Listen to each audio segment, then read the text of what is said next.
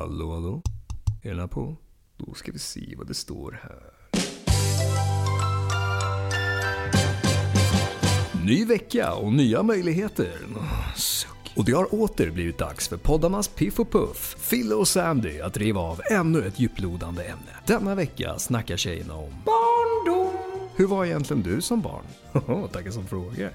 Åh, oh, jag var en glad, mullig liten sak med rosenkinder och solsken i blick. Jag minns att jag hade en vän som hette Bosse och... Jaha, det var tydligen inte riktat till mig. Men visste ni att Sandy tydligen pratade oavbrutet redan som femåring? Vem kunde tro det? Och Fille, ja, hon var en smart liten tös hon. Som ägnade vardagen åt att räkna familjemedlemmar och konstatera allmän fakta. Mm, spännande. Allt medan Sandy parallellt bossade runt med småkillarna i klassen. Skämt åsido, detta kan faktiskt vara ett av tjejernas mest privata avsnitt hittills. Dags för lite nostalgi, så på med sockerplasterna, nu åker vi!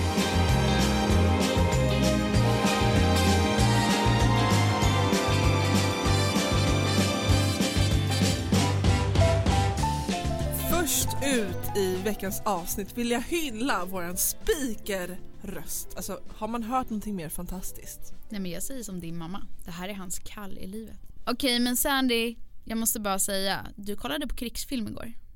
Ja. är det oklart eller? Det är oklart. Nej varför det? För du tittar var- på typ så franska vackra filmer och sen Nej. så messade du mig och bara jag kollar på krigsfilm. Men det är som Elsa vår kompis säger, jag är ju väldigt mycket luft. Så ibland måste jag jorda mig lite med en krigsfilm. Ja, Makes sense. Not. jorda mig med en krigsfilm. Okej, över till dagens avsnitt, varför vi är här. Ja, vi ska prata om barndom. För att inleda det här avsnittet på bäst möjliga sätt så har vi ringt upp våra mammor och bett dem beskriva oss som barn. Ja, för vem kan göra det bättre än våra mammor? Ja, jag tycker min mamma får börja. Du var väldigt eh, social, du var väldigt trevlig och du var rolig. Du var hämningslös och, och eh, kanske på ett litet, alltså på ett barnsligt sätt. Alltså barn vet ju inte alltid sina ramar. Det var, det, det var liksom, ibland gick du kanske över gränsen på ett sätt som det, det var inte negativt men det var komiskt, folk reagerade på det. Ja. Jag vet inte vad jag ska säga, det här är ju en klassisk mamma Ilona beskrivning av min, mig kan man säga. Jag tyckte det var fint. Det var, Det för, var väldigt ärlig. ja, hon är väldigt ärlig som person, jag uppskattar det, det är en väldigt bra egenskap. Det är kul framförallt för att många av de egenskaperna som hon beskriver, bland annat att jag är väldigt så här glad och eh, lyhörd, de sitter ju kvar, de egenskaperna, än idag. Ja, ja. Jag gillar ju att hon är så hämningslös. Det är ju verkligen något du har kvar. Det där med att du pratar med allt och alla och ibland när man är trött, speciellt när man är trött och reser med dig och du ska börja prata med alla, man bara och jag orkar inte. Det är så du är, man får ta dig som det är. Och det är klart att du var så när du var liten. Du var en eh, glad och underfundig och eftertänksam. Vi håller på att duka fram till en jul. Du sitter, satt vid bordet och så har vi lagt upp eh, cornichoner i en skål och då räknar du dem och så säger du här ligger det fyra cornichoner och vi är fem i familjen. Vad fin din mamma är. Ja. Min mamma är lite lugnare än din mamma. Kan inte de bli kompisar? Då kanske din mamma kan jorda min mamma lite. Ja, kanske. Och min man kanske blir lite mer fire med din mamma. En intellektuell unge som sitter och reflekterar lite och så här smart och före sin tid och bara vänta om vi är fem stycken, fyra stycken, åh det Ja, stämmer men inte det där är klassiskt ja, och jag vet precis vad mamma syftar på för det där finns på filmkamera. Ni vet när man hade de stora filmkamerorna på 90-talet. Min pappa var teknikfreak för han hade mycket sånt där. Och så fort den där filmkameran åker upp. Min mamma gömmer sig, min stora syster gömmer sig. Min lilla syster hon är ju så liten som bara sitter där och jag snackar. Jag bara sitter och snackar och snackar och snackar. Det är typ därför vi är kompisar. Ja, det är kanske därför. Jag har pratat lika mycket då som nu. Ja. Om jag ska beskriva mig själv som barn lite, jag vet att jag pratade med min pappa också och han var ju den på dagis som alltid skulle styra upp projekt. Jag lärde alla barnen att snickra, lärde alla barnen att gå på styltor, hade typ så här uh, föreläsningar och workshops som femåring. Bara, nej, nu, jag hade bara tre killar också i min klass. Så jag var ju bossen. Över jag, killarna. Ja, ja. Jag bara, Marcus, nu ska du springa över till grannen och sno hans klädnypor till vår häxsoppa. Då gjorde Marcus det, så tog grannen honom och blev skitad. Jag bara, ja det är inte mitt fel. Smart ändå. Det där är Ja. också en stor, både du och jag är stora systrar. Och det är en stora grej när man inser att när man vill något men man låter någon annan göra jobbet. Var du redan på den tiden lite längre än alla andra också?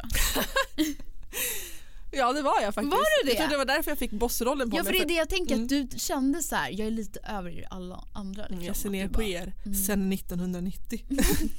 Nu är jag ju 1,86 så ja, jag är lång nu men jag var lång då redan. Mm. Du kom ut lång.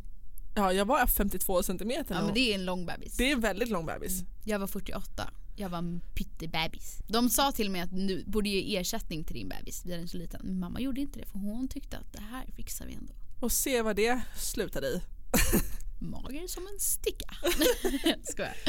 Hur skulle du beskriva dig själv som barn? Ja, men väldigt så här som mamma säger, alltså väldigt eh, mycket i mina egna tankar, väldigt så här känslig. Extrem. Jag kommer ihåg att om en dagisfröken eller någon annans förälder sa till mig blev jag jätteledsen. Alltså det var verkligen så här. jag har gjort fel, tyckte det var jättejobbigt.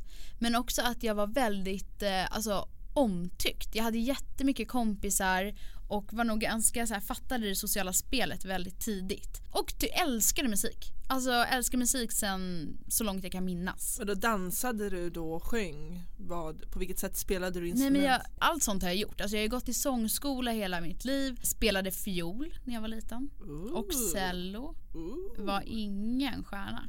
Nej. Nej, det- vi kan spela upp det någon gång. Det Mm. var inte fint. Men jag var en sån som du vet, hade hur mycket CD-skivor som helst, önskade alltid mig det när jag fyllde år.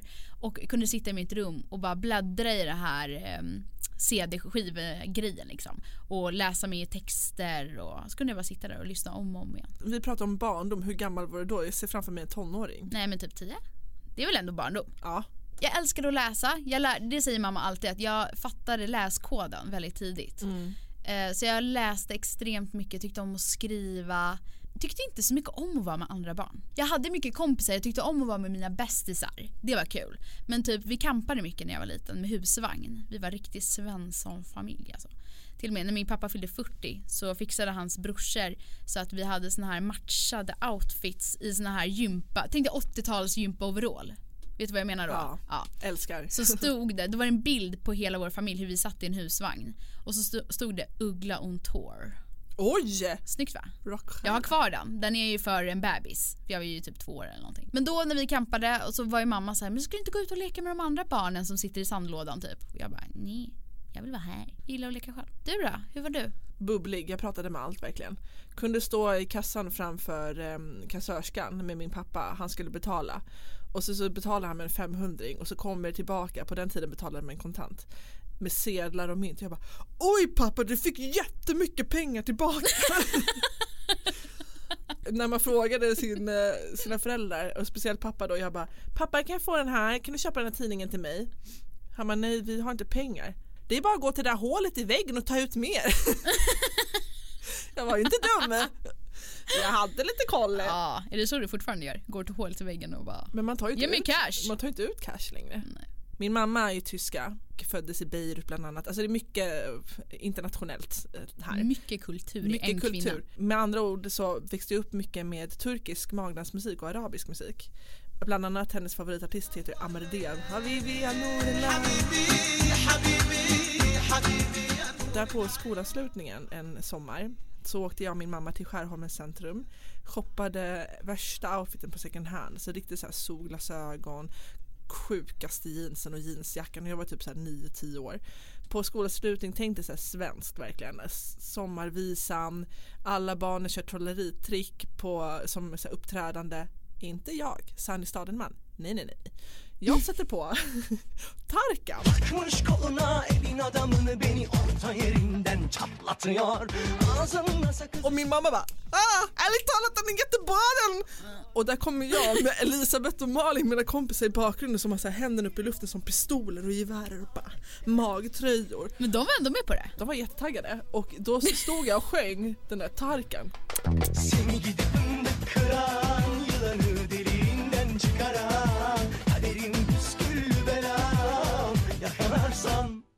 Alla föräldrar stod med öppna munnar och bara vems unge är det där? Nej men de är ju vana vid Ida sommarvisa och Den blomstertiden kommer. Ja. Sen blev det liksom turkisk show. barndom kan ju väldigt mycket förknippas med trauman och att många människor kanske har upplevt saker i sin barndom som är jobbigt som följer med en och det är ju lite det den här podden handlar om att så här, Mm. se hur var vi när vi var små versus 20 Mm. mot nu när vi är 30 och vad hänger med? Kan inte du berätta Felicia vad du har för eh, trauman med dig från barndomen?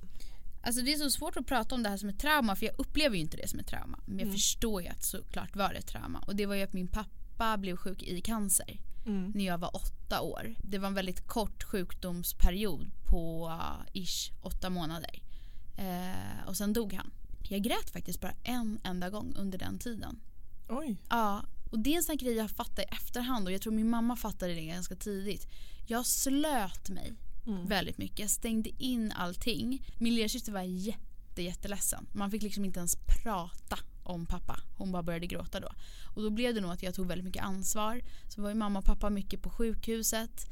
Eh, och vi hade mycket andra människor hemma hos oss. Släktingar, kompisars föräldrar och så här, som hjälpte och tog till, alltså såg, såg till att vi hade det bra. Att vi fick mat, att vi kom iväg till skolan och sådana saker. När mamma inte hann. Mamma och pappa hade ju eget företag också. Första gången jag verkligen så här, tog tag i det, det var när jag var 14 och skrev en uppsats i skolan om det. Den andra gå- gången jag tog tag i det var när jag var 25-26 och faktiskt kollade på Cancergalan Mm. och insåg på riktigt att shit, jag kommer aldrig mer träffa min pappa.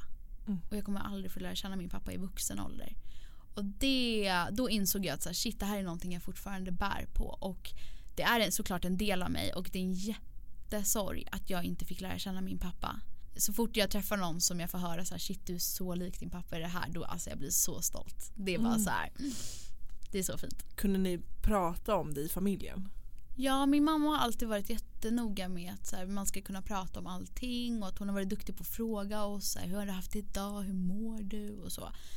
Och hon skickade faktiskt mig till skolkuratorn. Det här var innan pappa hade dött. Och jag fattade ju inte varför jag satt hos skolkuratorn. För då var det så här, jag ville ju vara med min klass, jag älskade skolan. Verkligen, tyckte det var så roligt och var väldigt duktig i skolan. Så jag blev nästan så här irriterad typ när läraren bara och nu ska Felicia gå till kuratorn. Jag bara varför ska jag till kuratorn när alla andra sitter här och har kul liksom.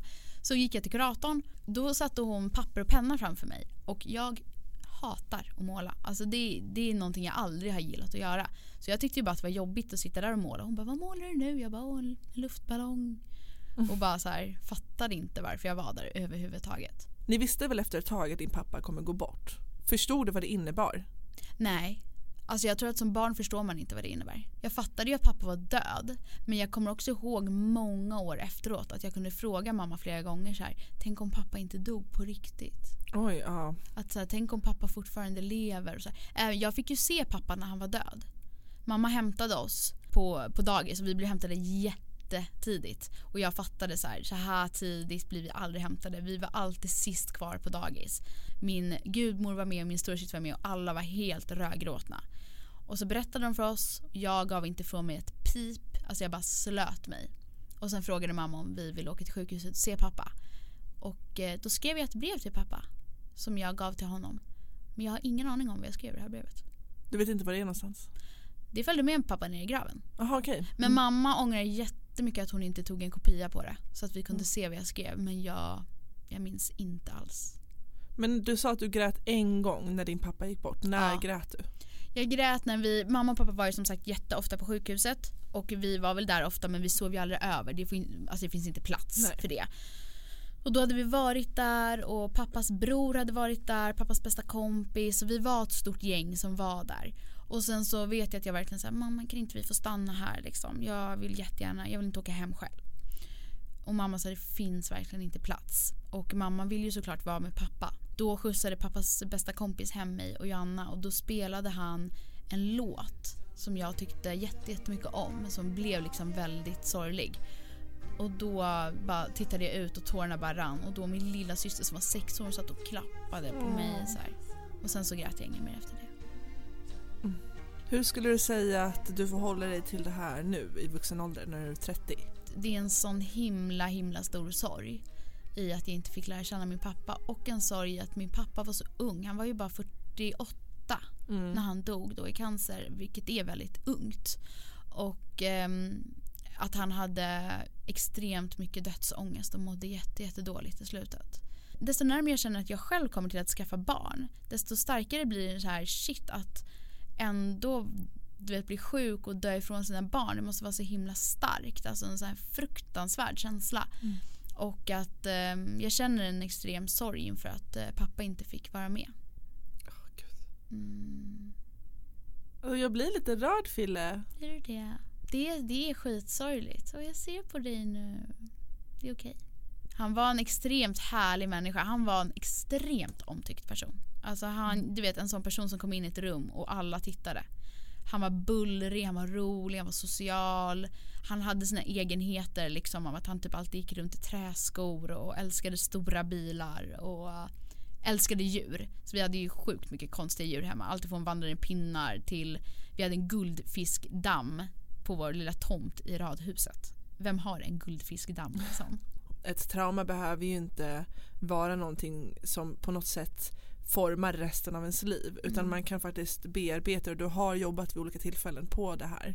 Sen så är det som du säger en del av dig och ja, det här hände. Och hur man väljer att ta hand om situationen in, alltså i själen det är upp till var och en.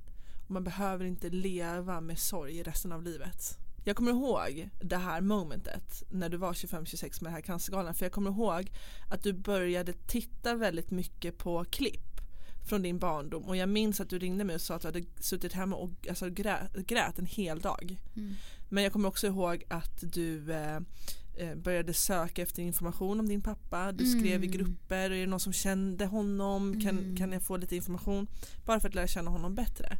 Så att du har liksom jobbat på det på olika sätt. Verkligen. Och det var faktiskt jättefint med just med att vi filmade så mycket när vi var små. Att jag fick se hur min pappa var med mig. Alltså det var det, typ det vackraste jag har varit med om. Att få se det. Mm. Men hjärtat, vi alla bär ju på små trauman. Även om vi inte vill prata eller säga att det är trauma. Du nämnde ju lite i förra podden och sa det här sparar vi till nästa avsnitt. Mm. Vill du prata om det nu? Jo men absolut att jag kan prata om det och det här är också någonting som jag nu när jag är 30 kan hantera mycket bättre än vad jag kunnat tidigare i mitt liv. Men eh, mina föräldrar skilde sig när jag var sex år gammal. Det var inte en trevlig skilsmässa. Jag kanske inte förstod då vad det var som hände och varför de skilde sig. Även om jag förstod att det inte var bra. Det är nu senare ålder som jag vet att, eh, alltså, lite mer vad som hände, vad som var orsakerna och det smärtar ju lite. Förra veckan pratade vi mycket om ångest och att jag har de här bröstkorgssmärtorna. Och de kom när de hade skilt sig. Och jag har ett väldigt tydligt minne från när vi flyttade då ut från huset där vi bodde hela familjen till en liten lägenhet. Jag, min mamma och min bror. Så ligger jag i sängen och har liksom fötterna upp mot eh, sängväggen. Men ligger liksom ner och skriker och sparkar fötterna i väggen och skriker att jag har ont. Då visste jag inte vad det var. Men jag hade så jävla ont i bröstkorgen. Och det var ju för att vi pratade aldrig om det här i min familj. Jag önskar så innerligt att vi hade gått i familjeterapi eller på något sätt att jag hade fått prata av mig som barn. För att då hade jag, jag kanske inte behövt släpa på de här bröstkorgsonterna i resten av mitt liv. Min mamma har ofta sagt att när vi kom från pappa, för vi bodde där varannan helg, torsdag till måndag. När jag kom tillbaka till mamma så grät jag oftast typ måndag, tisdag, onsdag. Och var jättekonstig. Tills jag blev normal. Och så höll det på i flera år. För det var så olika typer av energier. Eh, I och med att de inte pratade med varandra, jag försökte medla mellan mina föräldrar så blev det väldigt tydligt. När jag kom till min mamma så hade jag hållit igen hemma hos min pappa. Jag ville ju inte prata så mycket om hur det var hos mamma för jag visste att det skulle starta bråk. Höll igen, kommer till mamma. Min mamma är väldigt så här eh, emotionell och väldigt frågar väldigt mycket och med henne kan man prata på ett annat sätt. Och hon var ju väldigt så här mån om, hon visste ju att det var jobbigt för oss. Och då liksom eh, släppte jag ut alla känslor hos henne och så, så gick det sådär varannan helg i flera år. Shit, vad tungt för ett barn att bära på det. Ja, och ingen att prata med. I och med att min mamma eh, i samma veva som skilsmässan pluggade till lärare så eh, behövde hon jobba extra för att få in pengar, hade två små barn, var ensamstående. Och eftersom vi bodde mestadels hos min mamma av många anledningar så blev det ju ofta så att vi kanske inte hade jättemycket mat hemma. Vi hade inte jätte- jättemycket pengar. Så det var ju ofta att så här, när min mamma sen fick ett till barn med en ny man då var jag tio ungefär. När då min lilla syster Cornelia var spädbarn så var det ju så här min mamma behövde plugga, jobba eh, och då fick ju jag hämta Cornelia på dagis eftersom jag var äldst. Sen så var det så här, jag kommer hem, öppnar kylskåpet, okej ingen mat. Gick till ICA, hade en hundring och typ så här bollade med sig, vad ska jag köpa? Det var så jag blev bra på att laga mat. Jag lagar ju väldigt mycket mat, så jag tycker det är jättekul. Mm. Men det var ju för att jag var tvungen att vara kreativ, så här, vad kan jag laga med de här ingredienserna? Mm. Med det sagt vill jag också säga att jag hade ju en bra barndom. Alltså det är inte som att jag, den är alltså jättetraumatiserande och tragisk. Att inte ha pengar är inte det, det värsta som kan hända. Men det här med kommunikationen, brist på kommunikationen, det är väl det som har varit det så här, största, den största boven. Hur var det för dig när du insåg att dina föräldrar inte levde ihop? Jättehemskt. Var, var den här klassiska att de satte sig ner och vi ska berätta en sak? Nej, eller? verkligen inte. Nej. Det var mer bråk ska jag säga. Och jag kommer ihåg ett så lite sorgligt minne. Det var när min pappa då hade träffat en ny kvinna. Och då kommer jag ihåg att jag sprang upp och så ser jag att det ligger en kvinna där. Och jag bara åh mamma! Du blev skitglad. Och så, var, så öpp, drar jag bort täcket och så är det ju inte min mamma. Det är en annan kvinna. Och jag bara oh fuck. Nu i vuxen ålder så har jag ju utvecklat en relation till min mamma versus till min pappa Mm. som jag känner är hållbar. Mm. Och sen så här, visst, det är fortfarande lite så här den här skilsmässo händelsen är lite sopad under mattan men också för att jag känner att den har absolut påverkat mig men jag har också bearbetat den på mitt sätt. Jag har också gått i terapi och känner inte, jag pratar mycket med kompisar om det och känner inte att den här nödvändigtvis behöver prägla resten av mitt liv. Alltså för det du berättar med att du kommer hem där du har hämtat din lillasyster på dagis, du måste liksom gå och handla och laga mat redan i tioårsåldern. Det kan ju låta ganska så här, Ska, ska barn behöva göra det? Men jag hade likadant för att när min pappa sen dog så var det ju, alltså mamma jobbade ju heltid, hon hade ett eget bolag, vi var tvungna att hjälpa till jättemycket hemma. Och att bara lära sig sådana grunder, att kunna göra en middag när man var 9-10 år till hela familjen. Eller att hjälpa till att städa eller att ta ansvar för att så här, mamma jobbat hela dagen, vi kan hjälpa henne med någonting, kanske diska kastruller. Så här. Det tror inte jag att alla barn har. Utan att man får vara barn mycket längre i en mer kanske kärnfamilj. Den här upplevelsen som vi har haft har ju också gjort, på gott och ont måste jag ändå få säga, mig extremt självständig och ibland Mm, känner igen mig. för självständig. Jag minns när jag bodde på husbåt i Stockholm i tre år så skulle jag flytta och det var jättejobbigt. Alltså det var ju, du vet ju hur ledsen jag var från att flytta den här båten. Ja det var ju emotionellt jobbigt också. Ja extremt, det var mycket som hände också den perioden, det kan vi gå in på någon annan gång. Men då kommer jag ihåg att det tog emot, för jag ville inte fråga min pappa, jag hade bråkat med min mamma. Bad mina vänner om hjälp, alltså med flytthjälp. Mm. Och alla sa typ ja. Vi var typ 8-9 personer hemma hos mig som hjälpte mig att flyttstäda och packa. Mm. Och jag kommer ihåg att jag började gråta och insåg så här att det här är också min valda familj. Man har ju en familj och en vald familj. Mm. Och min valda familj är mina vänner. Jag kan själv Mm. satt kvar från när jag var barn Mm. till att jag var 30 och bara det här behöver jag inte, vadå? Jag har alltid gjort allting själv ändå. Vad ser du för någonting som du har med dig som så här, har präglat dig och som du fortfarande idag står på? Ja men det är den här självständigheten. Att jag vet att jag kan. Att man är kapabel till saker. Mm. Det är faktiskt en grej jag gillar väldigt mycket, att tänka så. Mm. Att så här, jag är kapabel till att lösa det här om jag vill det här. Ja, och kapabel har väl varit mitt mellannamn sedan jag typ föddes. Ja, ja, ja. Flexibel i sinnet. Att jag har fått så här, kastas mellan många olika kontexter. Mm. Och därför om jag hamnar i en annan typ av kontext idag så är det inte så konstigt för mig för jag är väldigt van vid att så här, Alltså då menar jag också emotionella kontexter, förstår du lite vad jag menar? Absolut. Att det kan vara en olika känslor och energier i ett rum och så kastas jag mellan dem men jag har väldigt lätt att anpassa mig. Om jag kommer till en situation, ett sammanhang där vibrationerna är ganska låga, man Mm. pratar om väldigt ytliga, lite som vår kompis Elsa sa, mugglar konversationer. Ah. Man pratar om vädret typ. Då är jag fine med det. Vissa andra människor kanske kan känna att det är lite jobbigt men då är så här, då anpassar jag mig till det, det är inga problem. Mm. Däremot om vi börjar prata typ helt plötsligt om astrologi, Wow. inga problem. Sitter och pratar om det i en timme. Nej men jag fortsätter väl egentligen embracea att jag är en väldigt emotionellt lagd person. Jag är väldigt, så här, en väldigt tänkande person och bryr mig mycket om andra, tycker väldigt mycket om att vara själv även om jag är social och gillar att vara med bästa vänner. Jag gillar att vara med, med, i relationer där jag känner att jag får ut någonting av det utan att det låter konstigt. Alltså att jag känner att jag mår bra, det är människor som stärker mig. Tidigare har väl jag kanske känt att jag har försökt jobba bort det här emotionella och känsliga och omtänksamma och försökt bli lite hård. så var jag mer i 20-årsåldern när jag bara nu ska jag in i musikbranschen och vassa armbågar och bara jag ska inte tänka så mycket, jag ska inte bry mig så mycket. Men det är ju jag. Alltså, jag tycker ju om den sidan. Nu embracear jag den mycket mer och är så här, nej jag gillar det här. Det får mig att vara, jag har väldigt mycket fantasi, tycker om att få vara kreativ och vara i de här härliga samtalen. Jag vill inte ta bort det. Jag vill bry mig om människor. Men vet du vad jag kommer på nu? Berätta. Det här är som ett så lite bombnedslag i mitt huvud. Så där kan jag ju få. Jag har ju tydligen väldigt mycket luft enligt Elsa. Nu har vi droppat Elsas namn många gånger. Men Luft i astrologi menar vi då. ja, att jag är väldigt eh, airy. Du kommer ju från en, en annan planet.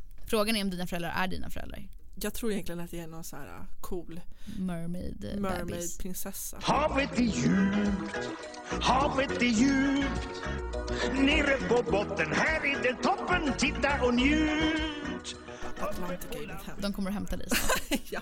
Poseidon bara skynda dig jag kan inte vara på land så länge. Poseidon och Afrodite är dina föräldrar. Ja, kom och hämta mig, jag vill hem. Nej men mitt bombnedslag som jag, jag är ett bombnedslag. Vad insåg du nu? Det är att Fille, vi har aldrig varit så här nära de vi egentligen är någonsin. Oj wow, jag får rysningar. Eller hur? Men vi brukar ju säga det, kommer du ihåg det? När man är vilsen. Vad mådde jag bra av att göra när jag var liten? Så går man tillbaka till kärnan. För det man gjorde när man var liten, det, var, det är ju en själv. Erfarenheterna som vi har haft, de har bara hjälpt oss att inse att det är där vi bör vara och det är där vi är. När vi var i 20, Mm. då försökte vi skapa en bild av oss själva. En idealbild och bara Åh, det där är coolt, det där är coolt. Medan nu när vi är 30 så är det så här, man går in och frågar vem är jag här inne och så tar man fram det och låter det blomma istället. Kan vi inte avsluta det här poddavsnittet med lite härliga barndomsminnen? Ja. Vad tyckte vi var kul när vi var barn? Fille, Ja. you go. Jag kan berätta att min favoritfilm, jag, alltså jag ser framför mig hur jag sitter i den här röda soffan, jag tror det var en röd-lila soffa vi hade hemma i radhuset och kollar på Aladdin. Och det här är på riktigt. Jag, jag hade en crush på den tecknade Aladdin. Alltså jag var typ kär i Aladdin. Och därför är jag ju än idag kär i Peter Jöback. Nej, men alltså, jag har ju träffat honom några gånger och jag blir så kär så att det är helt sjukt. Jag Men bara, "Åh, gud, åh, åh, du åh." och jag var ju i New York i höstas. Ja. Då gick vi på Aladdin på Broadway. Ja det gjorde vi! Ja, det kom jag på nu. Fast det var liksom, du vet, när, när det inte var Peter Jöback som kom ut, då blev man ju lite besviken. Ja, man bara Sweden is the best! Nej men alltså på något. tal om Aladdin crush, vet du vem jag hade crush på? På tal om så här tecknade människor. Ja. Kommer du ihåg Mm. När vi bodde på en segelbåt i Palma? Det är också en rolig story. Och vi började lyssna på Svanprinsessan. Kommer du ihåg Svanprinsessan? Alltså också min favorit. Ja, så bra. Hur går den låten? Nej. Eh, na, na, na, Nej, vänta. Ingenting, ingen... vänta. Ingen dum idé! Vi skulle kunna prata om barndom så länge Vi skulle kunna ha fyra till avsnitt. Det var ganska roligt också att få lära känna den lilla Sandra. Mm, Sandra säger det nu. Det var den lilla Sandra som blev den stora Sandy. Fint. Den lilla Felicia blev den stora Filla Jag älskar när man säger någonting och så, så härmar Ja. kompisens ens ansikte. Det hände nyss i studion här. Vi sitter alltså på Clarion Sign Hotel i Stockholm och spelar in i poddstudion som alla kan hyra faktiskt. Men ta inte våra datum nu för att vi har bokat Nej. studion.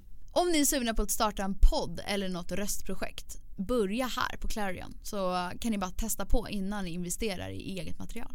Fille, så sjukt tacksam för att du delar med dig av allt det här till mig och till våra lyssnare. Detsamma, verkligen. Puss och kram, syns på stan! Puss, see you later, alligator.